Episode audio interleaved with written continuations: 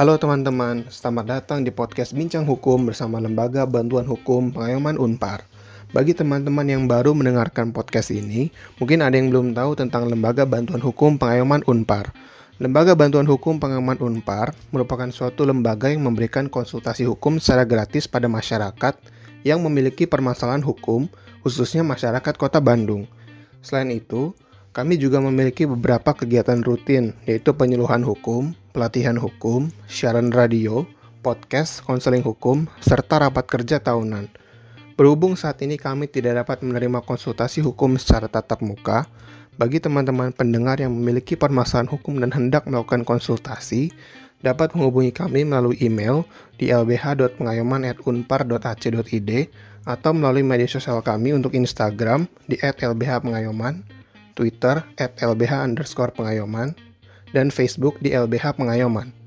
Informasi lebih lanjut mengenai LBH Pengayoman Unpar dapat diakses melalui www.lbhpengayoman.unpar.ac.id. Nah, kalau begitu, tidak perlu berlama-lama lagi. Simak podcast berikut ini.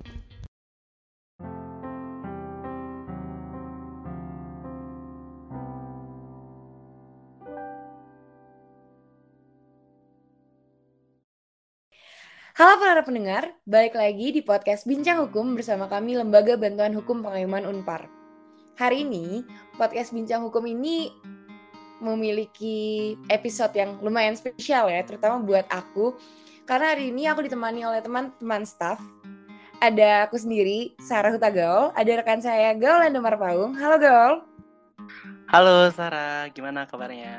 Baik Gaul, puji Tuhan. Gaul gimana? Baik dong, pasti baik dong. Puji Tuhan. Nah, selain gaul, teman-teman, aku juga ditemani oleh Thomas Chandra. Halo Thomas. Halo Sarah. Gimana nih kabarnya Tom? Kabarnya baik, baik banget gitu. Ah, puji Tuhan banget ya. Kita bertiga dalam kondisi yang baik. Pastinya podcast kita juga bakal baik gak sih selanjutnya? Semoga ya. Harus dong. Nah, kita hari ini mau ngebahas suatu topik yang cukup viral, terutama di bulan Oktober. Ini kasus-kasus baru sih ya, Gaul Thomas ya? Termasuk baru nggak sih ini kasusnya? Termasuk baru sih, karena memang kayaknya masih cukup fresh juga buat kita dan sempat beberapa beberapa waktu lalu tuh lewat-lewat gitu kan di media sosial. Betul betul.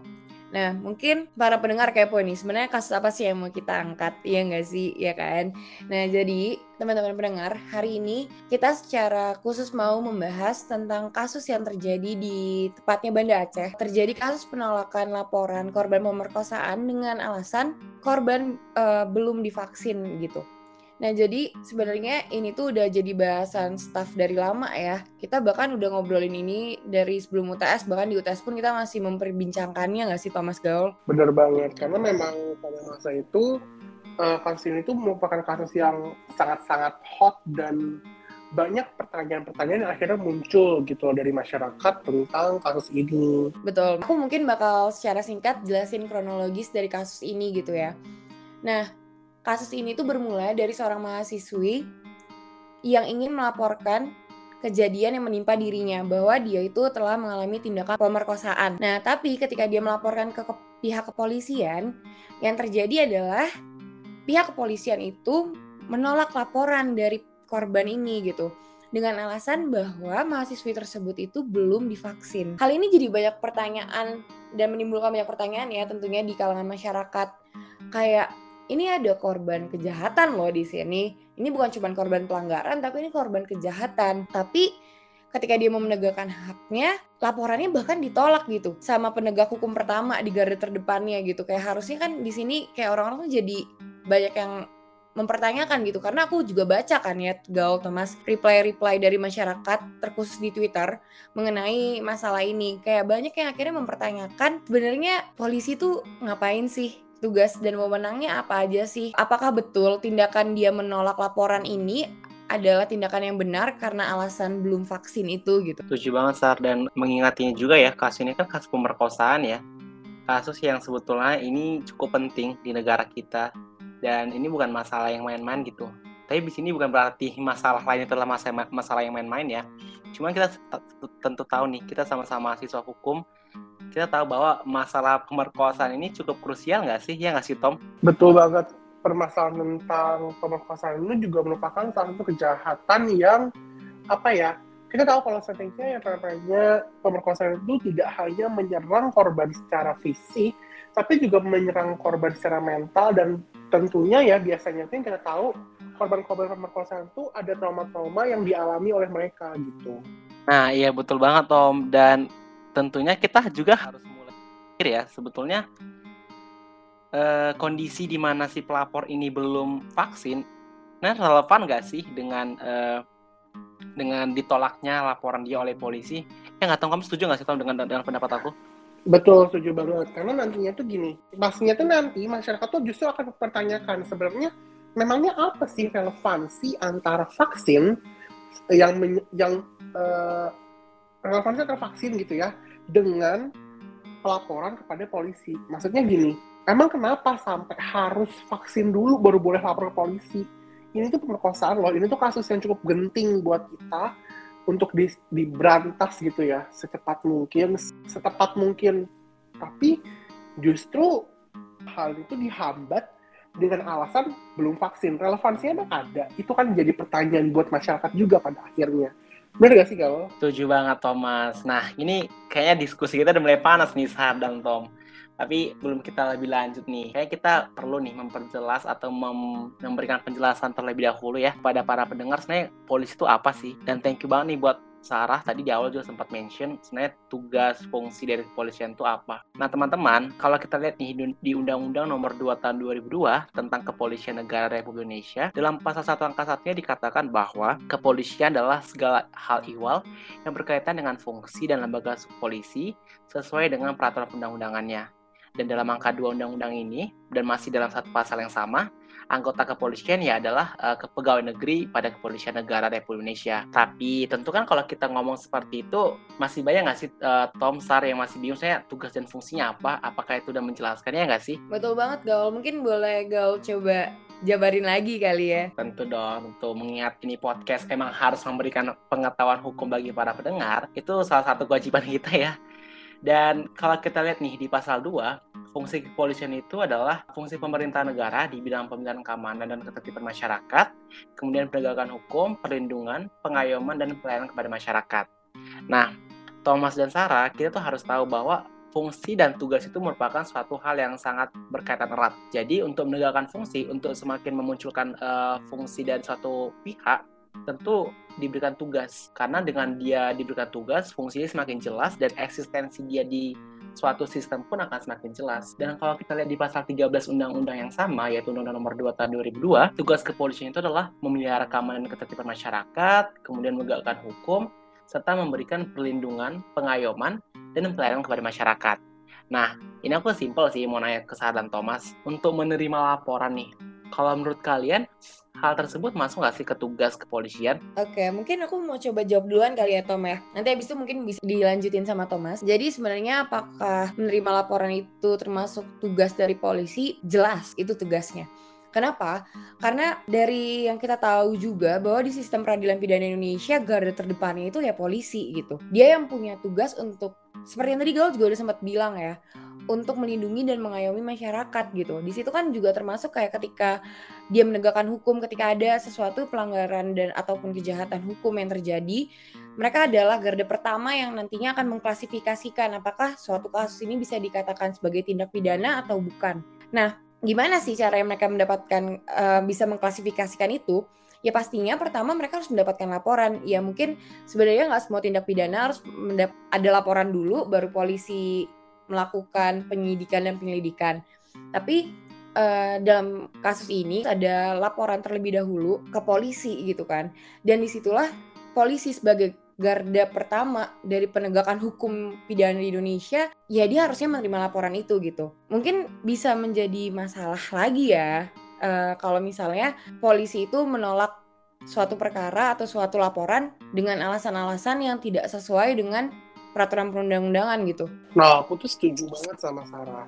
Jelas kalau seandainya namanya menerima laporan dari masyarakat itu tentu menjadi uh, salah satu tugas juga dari uh, kepolisian gitu. Nah, kenapa? Sebenarnya gini sih kalau dari menurut dari aku ya, kita tahu kalau seandainya dalam hal ini kan kita ngomongin berarti konteksnya adalah pidana. Dalam pidana para korban gitu ya, masyarakat dalam hal ini korban itu tuh dalam tanda kutip menggantungkan hidupnya kepada negara menggantungkan haknya itu pada negara. Kenapa? Karena negaralah yang mewakilkan korban untuk menyalurkan hak-hak yang korban-korban miliki gitu loh. Jadi gimana gimana caranya biar keadilan yang diinginkan korban itu bisa terwujud? Itu kan diwujudkan oleh negara melalui apa? Melalui aparat penegak hukum. Aparat penegak hukum itu apa aja? Aparat penegak hukum itu salah satunya adalah polisi. Polisi sebagai garda terdepan tadi di belakang Sarah. Nah, karena hal ini juga maka menyebabkan kalau seandainya uh, penerimaan laporan dari masyarakat kepada polisi itu memang jadi tugasnya polisi juga gitu loh. Karena ya polisi kan juga artinya adalah orang yang dititipkan oleh masyarakat untuk memberikan keadilan, memberikan hak-hak korban gitu kan bagi uh, yang ada di masyarakat gitu. Jadi sangat-sangat um, ironis sekali ya bahasanya kalau ternyata polisi yang merupakan penegak hukum yang diberikan wewenang seperti itu justru tidak bisa memberikan uh, apa yang dibutuhkan oleh masyarakat. Mungkin kira-kira seperti itu kali ya kalau dari aku. Kira-kira kita bahas apakah polisi itu punya kewajiban, apakah dia punya tugas untuk menerima laporan dari masyarakat atau tidak. Nah, mungkin sebelum kita jauh ke sana ya, kita tuh perlu dulu untuk memahami dan mengetahui apa sih laporan itu gitu kan? Mungkin dari Sarah atau Gal boleh gak coba kasih pengertian uh, atau kasih tahu ke aku? Kira-kira kalian tahu gak sih ada pengaturan apa tentang laporan? Waduh mungkin kita sama si ya Sarah dan Thomas dan kita tahu ada KUHAP namanya Kitab Undang Hukum Acara Pidana. Di situ udah jelas banget sih sebenarnya arti laporan tersebut. Mungkin Thomas bisa langsung memberikan secara rinci kali ya penjelasan mengenai laporan itu. Gimana, saya setuju nggak? Jelas dong. Mungkin menjawab pertanyaan Thomas kali ya. Tentang laporan itu ada di KUHAP sama di Perkapolri nomor 6 tahun 2019 nggak sih, Tom? Nah, uh, jadi betul nih dari Sarah. Kalau seandainya peraturan tentang uh, definisi laporan itu, itu tuh ada di dua peraturan. Yang pertama itu ada di Kitab Undang-Undang Hukum Acara Pidana, dan yang kedua tuh ada di Peraturan Kepala Kepolisian Negara Republik Indonesia Nomor 6 Tahun 2019 tentang penyidikan tindak pidana. Nah, lebih tepatnya di mana sih? Untuk di KUHAP lebih tepatnya di pasal 1 angka 24 KUHAP. Dan untuk di Perkapolri nomor 6 tahun 2019 tepatnya tuh ada di pasal 1 angka 14 Perkapolri nomor 6 tahun 2019. Nah, kedua peraturan ini kebetulan memang mendefinisikan laporan secara sama. Apa sih laporan?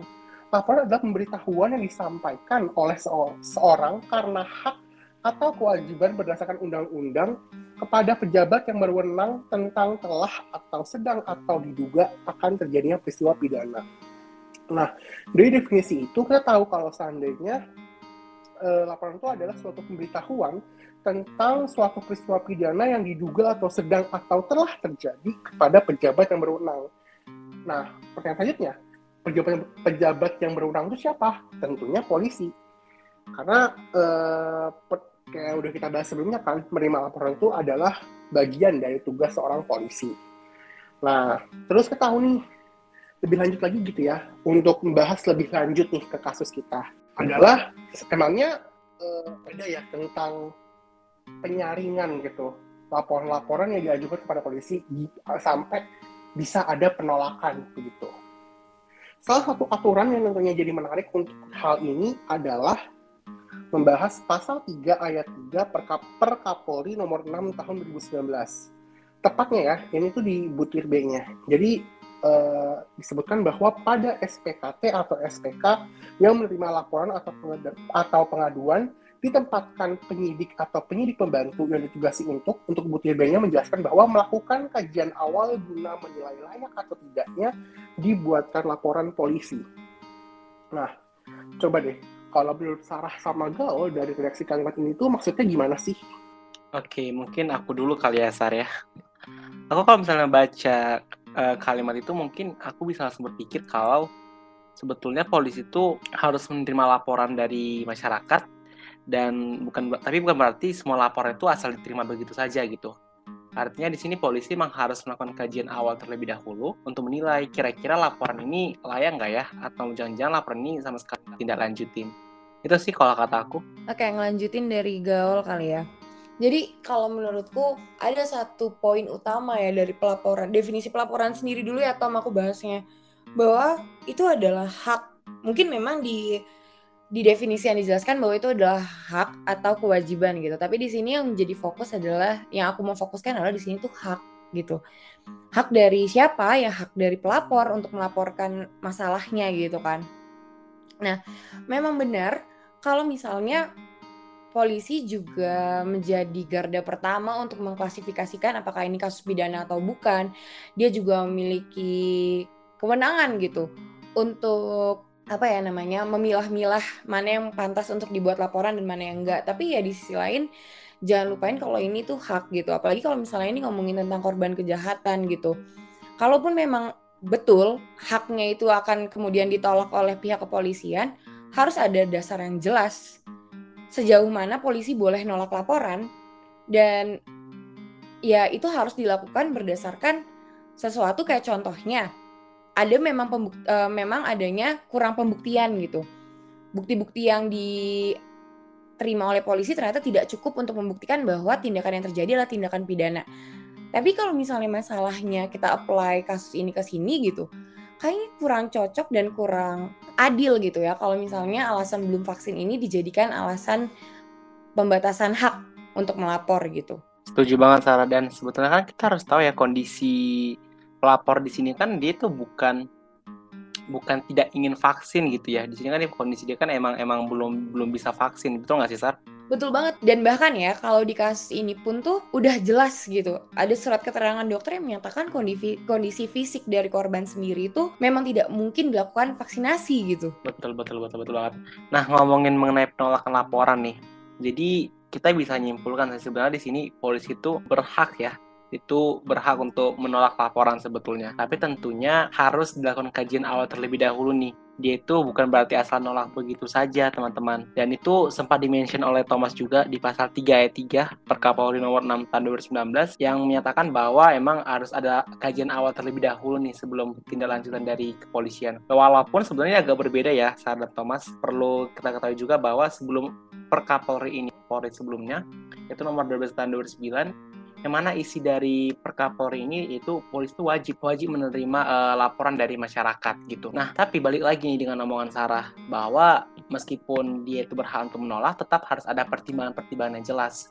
Dan kita bisa lihat ya salah satu wewenang dari kepolisian itu ada dalam pasal 18 Undang-Undang Nomor 2 Tahun 2002 yang mana kepolisian adalah uh, wewenangnya adalah dapat bertindak menurut penilaiannya sendiri. Akan tetapi nih, untuk melakukan penilaiannya sendiri, dia itu tidak hanya asal-asalan saja gitu. Itu perlu memperhatikan peraturan perundang-undangan serta kode etik profesi kepolisian negara Indonesia. Nah, mengenai peraturan perundang-undangan pun memang harus jelas kira-kira peraturan perundang-undangan ini eh, relevan nggak sih sampai uh, polisi ini bisa memberikan penilaian untuk menolak laporan tersebut. Nah, untuk ngomongin peraturan perundang-undangan, mungkin Sarah bisa kali ya atau menjelaskan peraturan perundang-undangan terkait dengan pembatasan hak karena vaksin ini. Oke, boleh dong, Gal. Jadi, buat teman-teman mendengar, ini menjadi penting ya, bahwa memang saat ini itu sudah ada Peraturan Presiden Nomor 14 Tahun 2021 tentang perubahan atas Peraturan Presiden Nomor 99 Tahun 2020 tentang pengadaan vaksin dan pelaksanaan vaksinasi dalam rangka penanggulangan pandemi coronavirus disease 2019. Nah, di sini memang ada sih, betul ada pembatasan hak. Tapi pembatasan haknya buat siapa? Ini kita harus tahu bahwa tujuan dan sasaran pembatasan hak ini adalah bagi mereka yang menolak untuk divaksin. Sekali lagi, aku tekanin bahwa Pembatasan hak ini untuk mereka yang menolak divaksin. Adapun memang pembatasannya itu berupa um, penundaan atau penghentian pemberian jaminan sosial atau bantuan sosial, penundaan atau penghentian layanan administrasi pemerintahan, dan atau denda. Mungkin teman-teman pendengar bisa ngecek di pasal 13A ayat 4 peraturan presiden ini gitu. Tapi ya gitu, ini hanya untuk mereka yang menolak vaksin ya kalau kita sama-sama pakai logika, terutama logika hukum ya Gaul Thomas, kayaknya sangat-sangat tidak pas untuk menggunakan pasal ini juga dalam menjadi alasan polisi untuk menolak laporan korban pemerkosaan ini nggak sih? Betul banget. Karena gini, tadi kan kalau yang Sarah sebut adalah menolak. Menolak itu kan tidak mau kan. Sedangkan dalam kasus ini itu kita tahu kalau seandainya si korban tindak pemerkosaan ini bukan tidak mau, tapi tidak bisa tidak bisa tidak mau itu dua hal berbeda gitu loh. Kalau tidak bisa tuh memang karena satu hal, berarti kan karena ada satu hal menyebabkan ia tidak dapat uh, melakukan hal tersebut gitu kan. Beda sama tidak mau, yang artinya kalau tidak mau itu ada free will dia untuk tidak melakukan hal tersebut. Nah, mungkin dua hal ini jadi catatan penting juga ya buat kita ketahui gitu. Dan buat para pendengar sekarang ketahui juga bahwa tidak berarti kalau seandainya dia tidak bisa berarti dia tidak mau. Itu yang itu tuh dua hal berbeda gitu loh. Mungkin gitu ya Sarah. Betul banget Thomas. Ini kan jadi permasalahan lagi ya terkait penolakan ini gitu. Karena kan yang balik lagi ya, sekali lagi bahwa memang udah ada surat dokter juga yang menyatakan bahwa dia memang belum bisa divaksin gitu. Jadi itu bukan berarti dia menolak gitu. Emang kondisi yang menyatakan dia tidak bisa divaksin gitu. Nah, mungkin gak kerasa ya kalau Thomas ya. Kita udah cukup lama nih berbincang-bincang. Karena mungkin ini ada efek karena kasusnya sangat menarik dan memang rasanya perlu diangkat gitu ya. Tapi mungkin karena sudah cukup lama, mungkin Gaul boleh nih ngasih closing statement dari hasil diskusi kita kali ini. Oke, boleh dong, Sat. Mungkin sedikit kali ya, sedikit dari aku.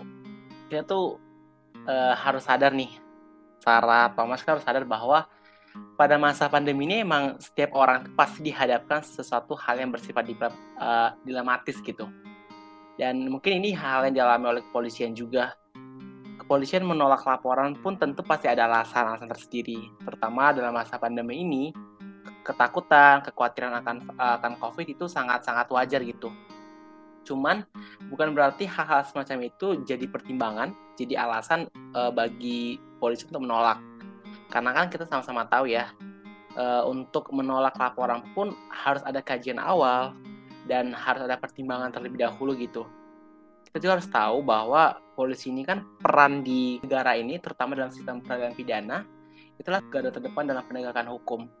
Jadi untuk mewujudkan uh, ke rasa kepastian hukum, rasa keadilan serta kemanfaatan bagi masyarakat maupun rakyat, tentu hal-hal semacam itu agak kurang apa ya, kurang efektif gitu, kurang efisien karena balik lagi peran polisi di sini sangat penting gitu.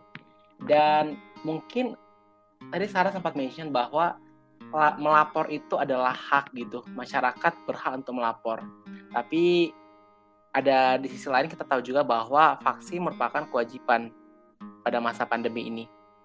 Namun kan kita tahu ya kondisi dari pelapor tersebut bagaimana. Jadi menurut saya hal-hal semacam ini memang harus jadi pertimbangan lebih lanjut sih bagi kepolisian ya.